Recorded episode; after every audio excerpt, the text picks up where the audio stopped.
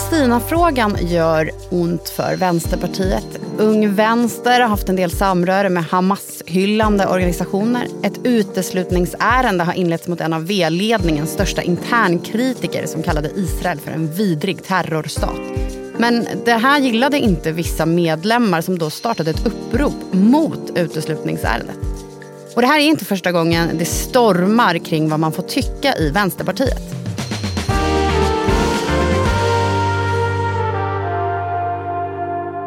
Det här är Älskade politik. Hur mår Vänsterpartiet? Och får man tycka annorlunda än deras så kallade bunkergäng? Jag heter Evelyn Jones och Thomas Ramberg, du är med i studion. Ja. Hallå. Hej du. Och Lina Lund, du är med på Lina. Hallå, hallå. Hej, hej. Nooshi Dadgostar, ni fick också en släng av sleven här av Jimmy Åkesson. Hur, eh, vad, är din, eh, vad är dina tankar idag? Vad är din reaktion på det som händer? Ingen kan ju vara neutral inför de eh, bilder som vi ser. Barn som blir kidnappade, civila mammor och pappor som blir bombade av eh, den här terrorsekten Hamas. Och det våldet måste ju upphöra omedelbart.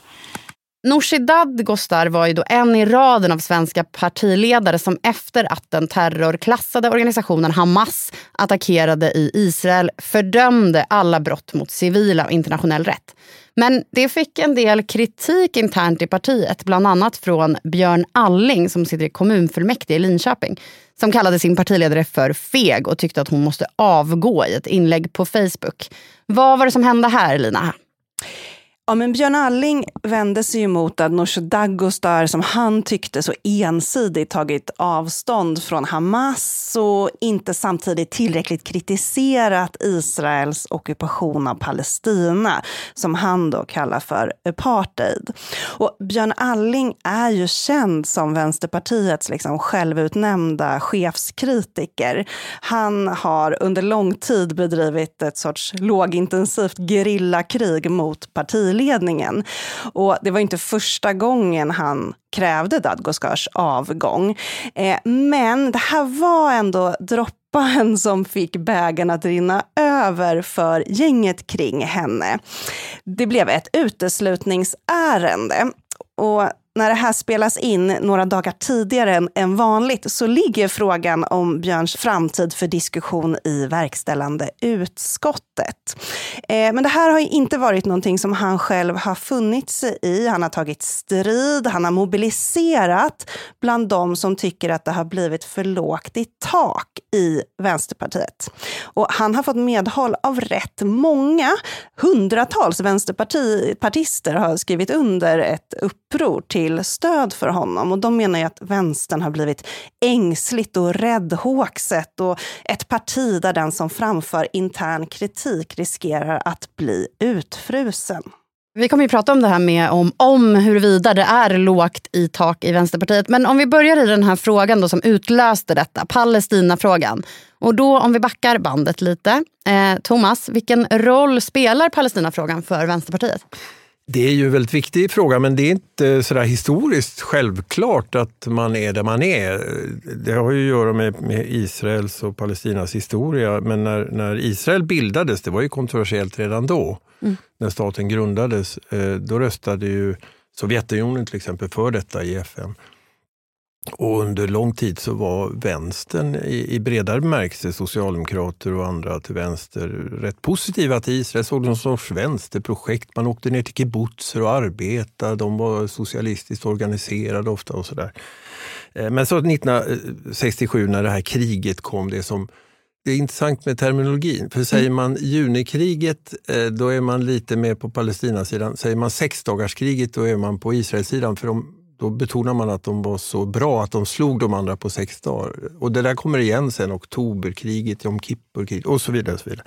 så då blir frågan infekterad, då blir Israel en ockupant. Och då är det ju samtidigt en vänsterväckelse i världen. Eh, man börjar uppmärksamma USAs roll i Indonesien, Sydamerika, Vietnam och också här. Mm. Så att Palestina blir en del av det där, eh, de förtryckta folken som kolonialism och imperialism utsätter. Och sen dess har det varit en given vänsterståndpunkt att kritisera Israels ockupation och stödja Palestina och sådär. Så det går bara tillbaka till 1967? Ja, man kan säga att det, det, hela den här debatten går tillbaka till innan dess så, så var det stor uppslutning i svensk inrikespolitik bakom Israel. Mm. Man tittade inte på de här frågorna överhuvudtaget. Och sen har det blivit en symbol för en sorts dubbelmoral som man anser att eh, våra regeringar i västvärlden har. Man är jättehård för folkrätten i Ukraina men ockupationen i, eh, mot Israel har mot Palestina, där är folkrätten inte lika viktig. och sådär.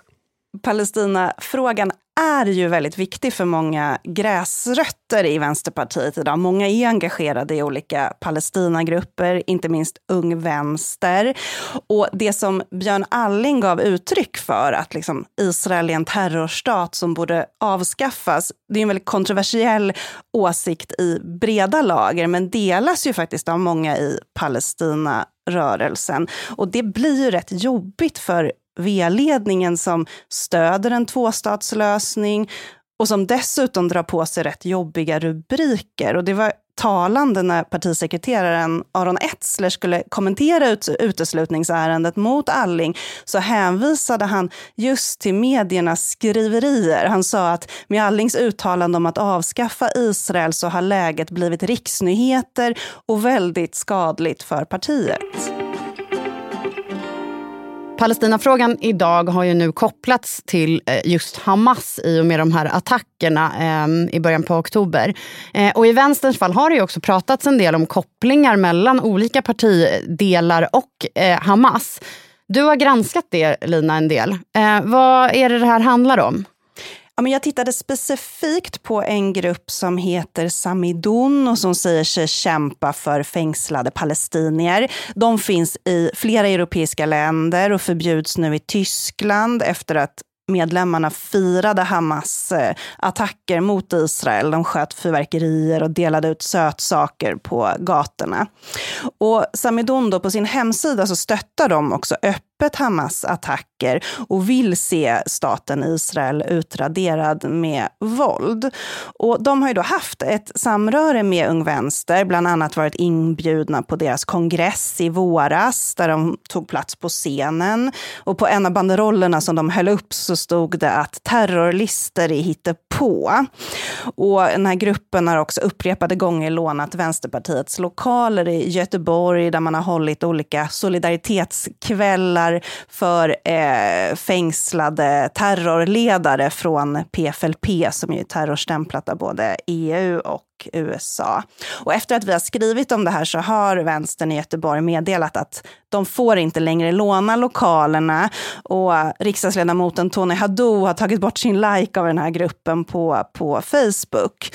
Och jag tror att, att de så öppet stöttar Hamas attacker, det har ju först nu blivit känt för många. Men det här mm. är ju samtidigt en grupp som under lång tid har öppet drivit kampanj för PFLP och som öppet då velat se att staten Israel eh, försvinner. Och det väcker ju en del frågor om var Vänsterpartiets röda linjer har gått mot den här typen av grupper.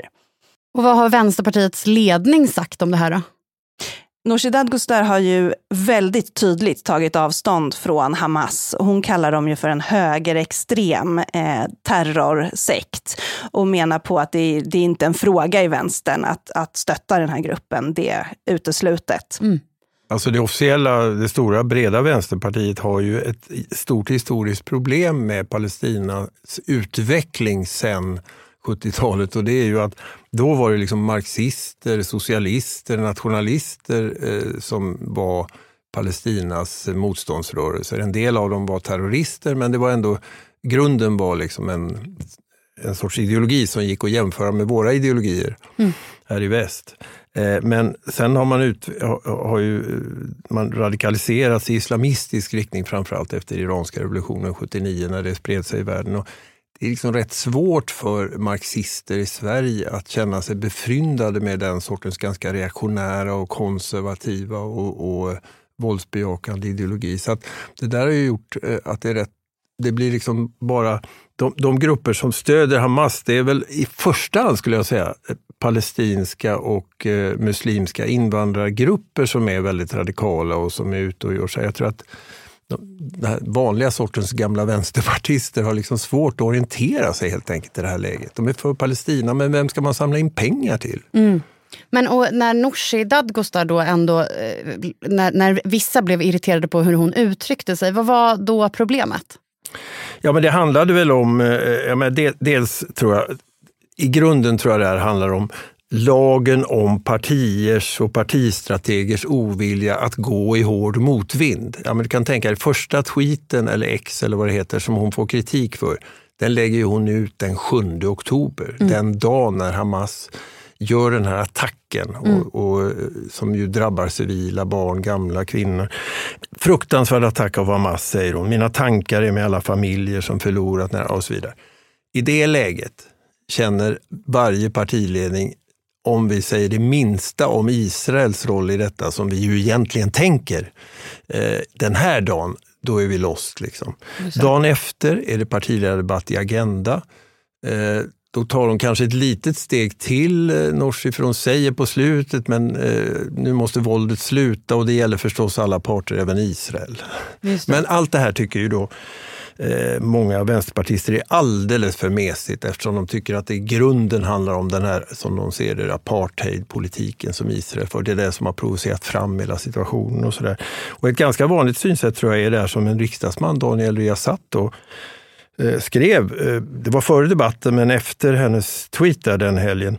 Jag är trött på västvärldens vidriga dubbelmoral. Vissa människor har enligt denna logik rätt att försvara sig och slå tillbaks mot de som ockuperat deras land och massmördat deras folk. Men om det handlar om exempelvis palestinier eller kurder så ska de sitta ner och låta sig mördas, torteras, bli tvingade bort från sina hem. Lägg ner denna äckliga dubbelmoral. Mm. Alltså det tror jag inte är en helt sällsynt känsla i de här vänsterleden i det läget. Så det tror jag var orsaken till att hon, det blåste på henne då, i, ja. det, i den situationen.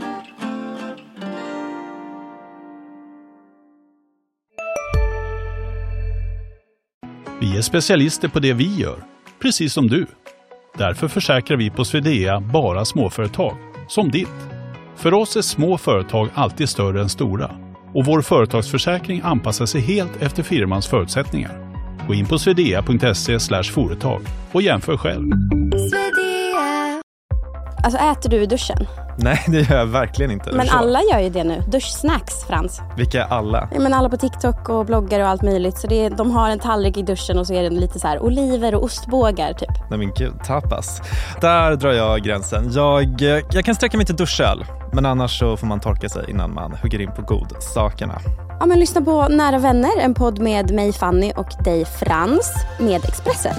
Viktiga nyheter. Det här är ju inte första gången som det skälver lite under Nooshi Dadgostars fötter eh, internt. Eh, om, om, vi, om vi backar tillbaka lite igen då, men inte lika långt som till 60-talet den här gången. Efter förra valet så eh, gjordes ju då en eftervalsanalys av Vänsterpartiet eh, där man gick igenom vad som hade gått rätt och vad som hade gått fel i valrörelsen. Eh, och den togs ju inte emot så himla positivt av alla i partiet. Vad, vad var problemet enligt dem med eh, vad de kom fram till där, Lina? Det gick ju inte så bra som partiledningen hade räknat med i valet. Nooshi hade turnerat runt på industriorter i bygghjälm och reflexväst, men det hade inte gett den utdelning man räknat med.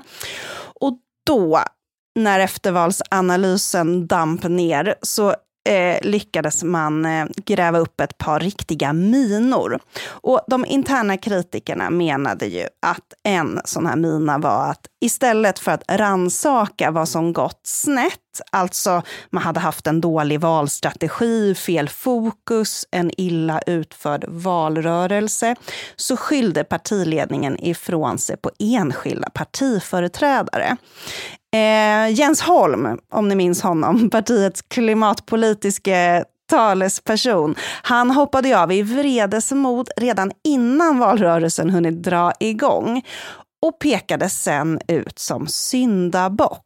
Han gillade inte att gänget kring Dadgostar hade bestämt att man skulle ha mindre fokus på individens ansvar vad gällde klimatfrågan. Man skulle sluta skamma de som flyger, inte straffa bilister. Det är okej att äta kött och istället ville partiet se mer statliga satsningar på infrastruktur och kollektivtrafik ungefär.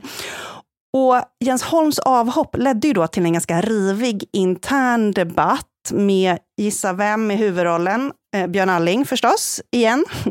Och i eftervalsanalysen så pekas just de här citat då, interna destruktiva konflikterna ut som en orsak till det deppiga valresultatet. Och det här skapade ju diskussioner.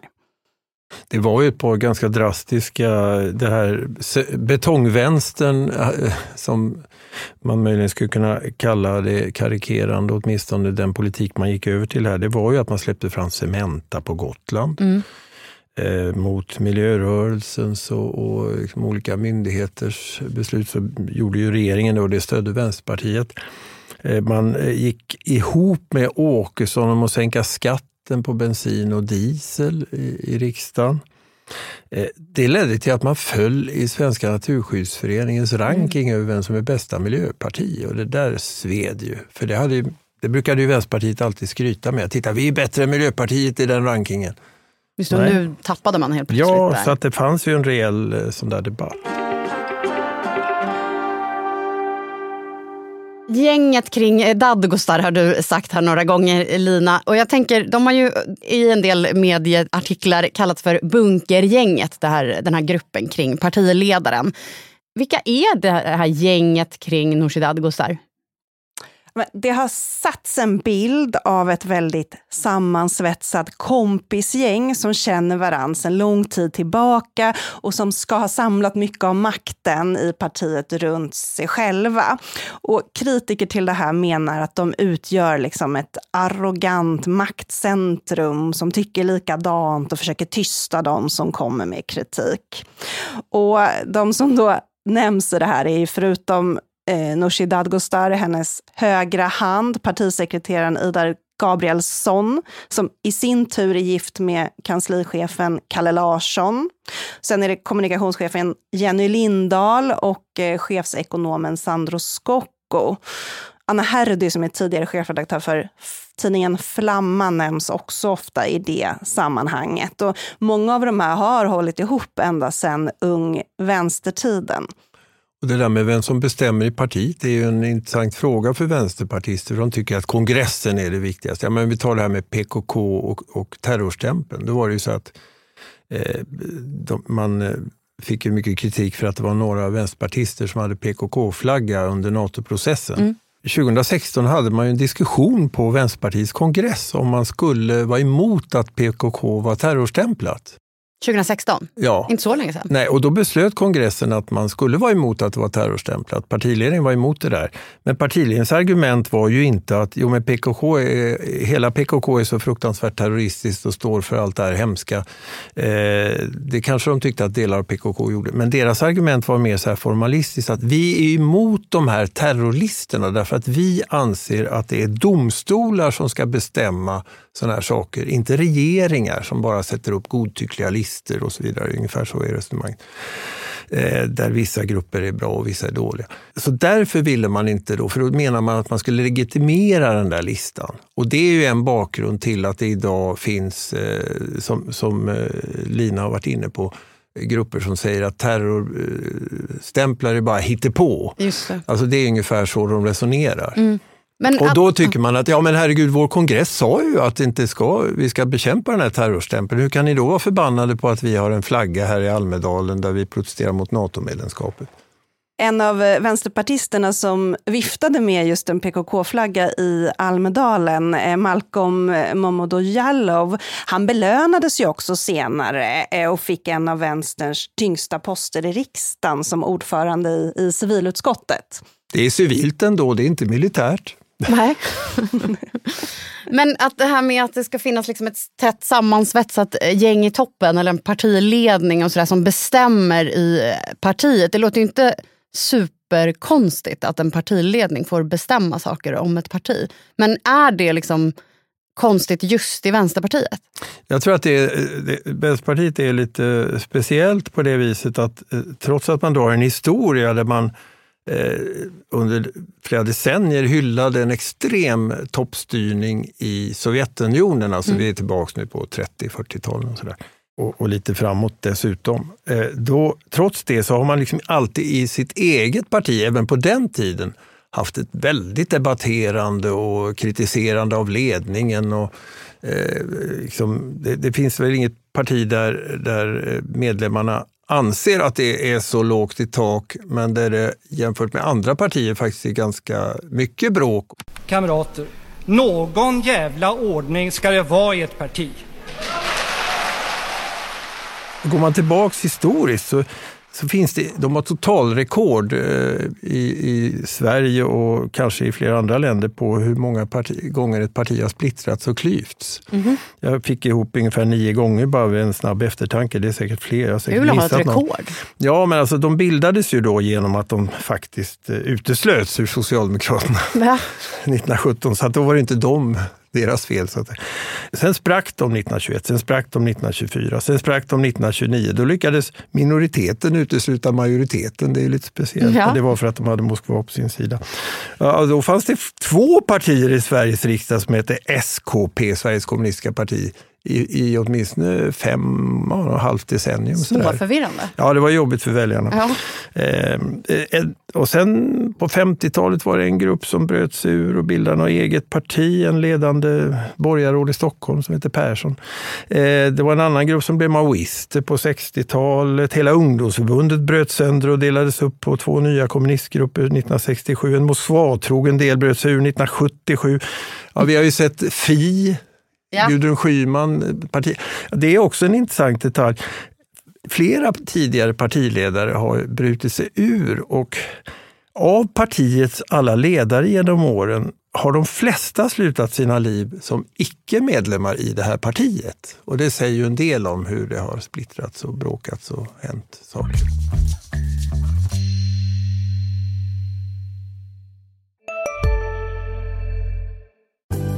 Synoptik här.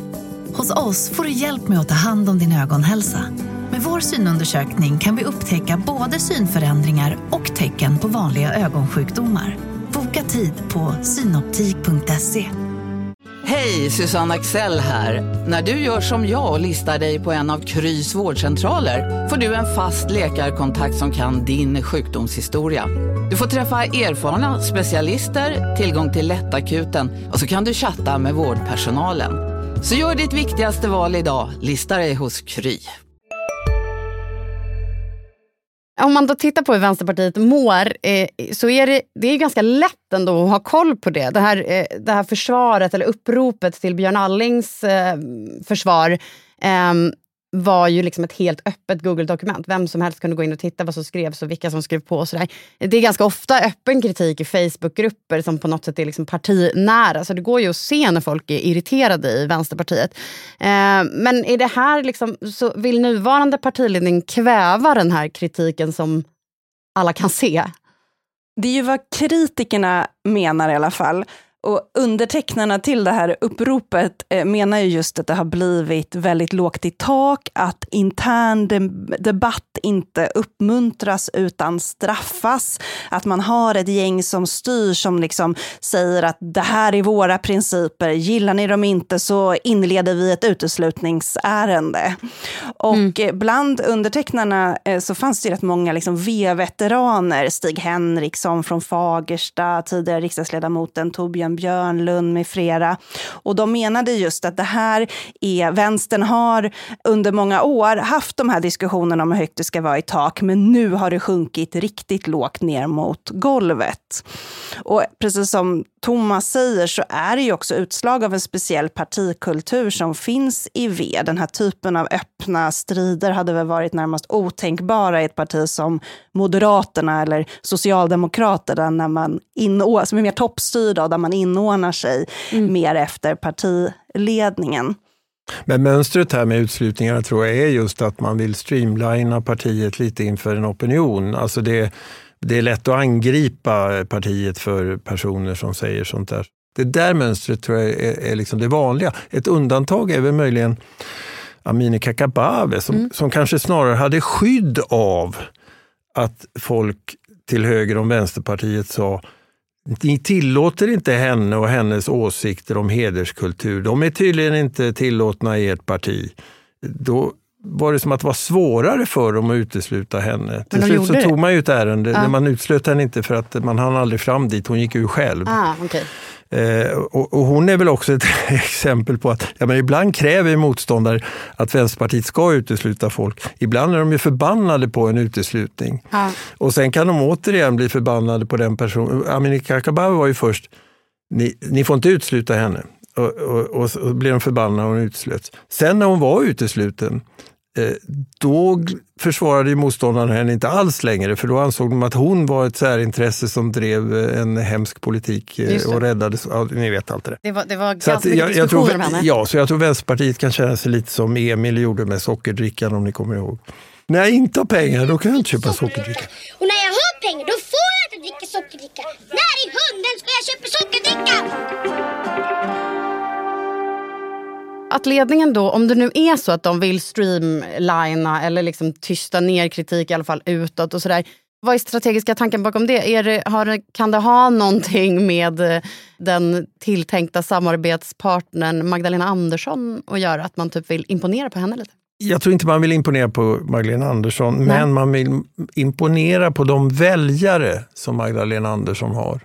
Och därmed pressa eh, den socialdemokratiska partiledningen att eh, acceptera ett mer organiserat samarbete med Vänsterpartiet. Kanske ta in Vänsterpartiet i en regering. Det har ju varit Vänsterpartiets krav de senaste åren.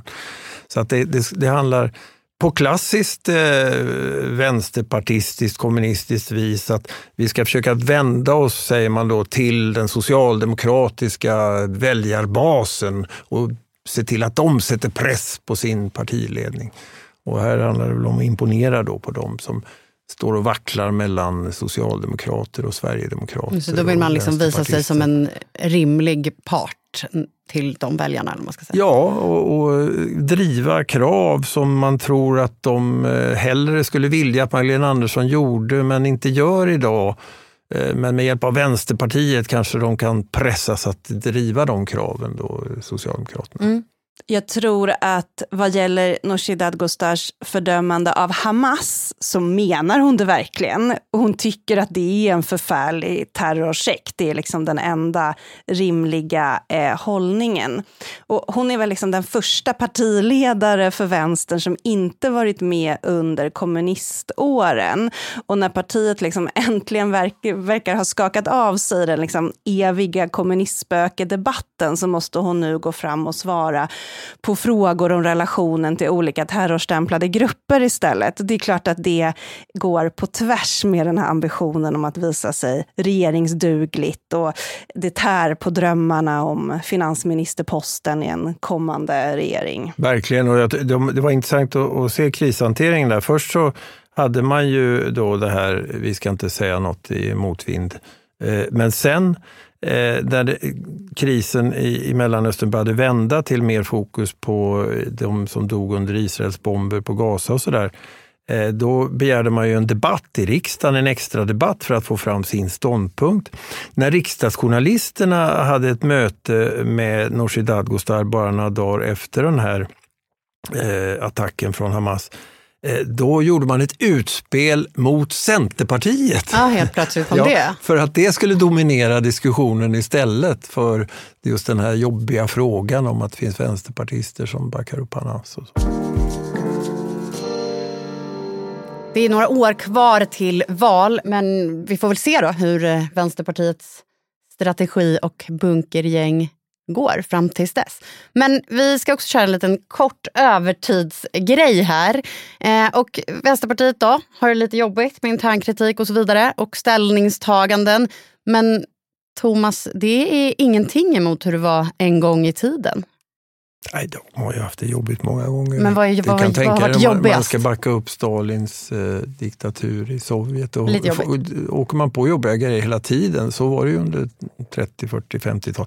Men eh, det, jag tror den absoluta bottenläget, det var ju Molotov-Ribbentrop-pakten i början på andra världskriget. Alltså när eh, det var en tillfällig union mellan Tyskland och eh, Sovjetunionen när man delade upp Polen och Baltikum och allt det här och Sovjet gick in i Finland. Mm. Då stödde ju det dåvarande SKP som de hette på den tiden, Stalins pakt med Hitler.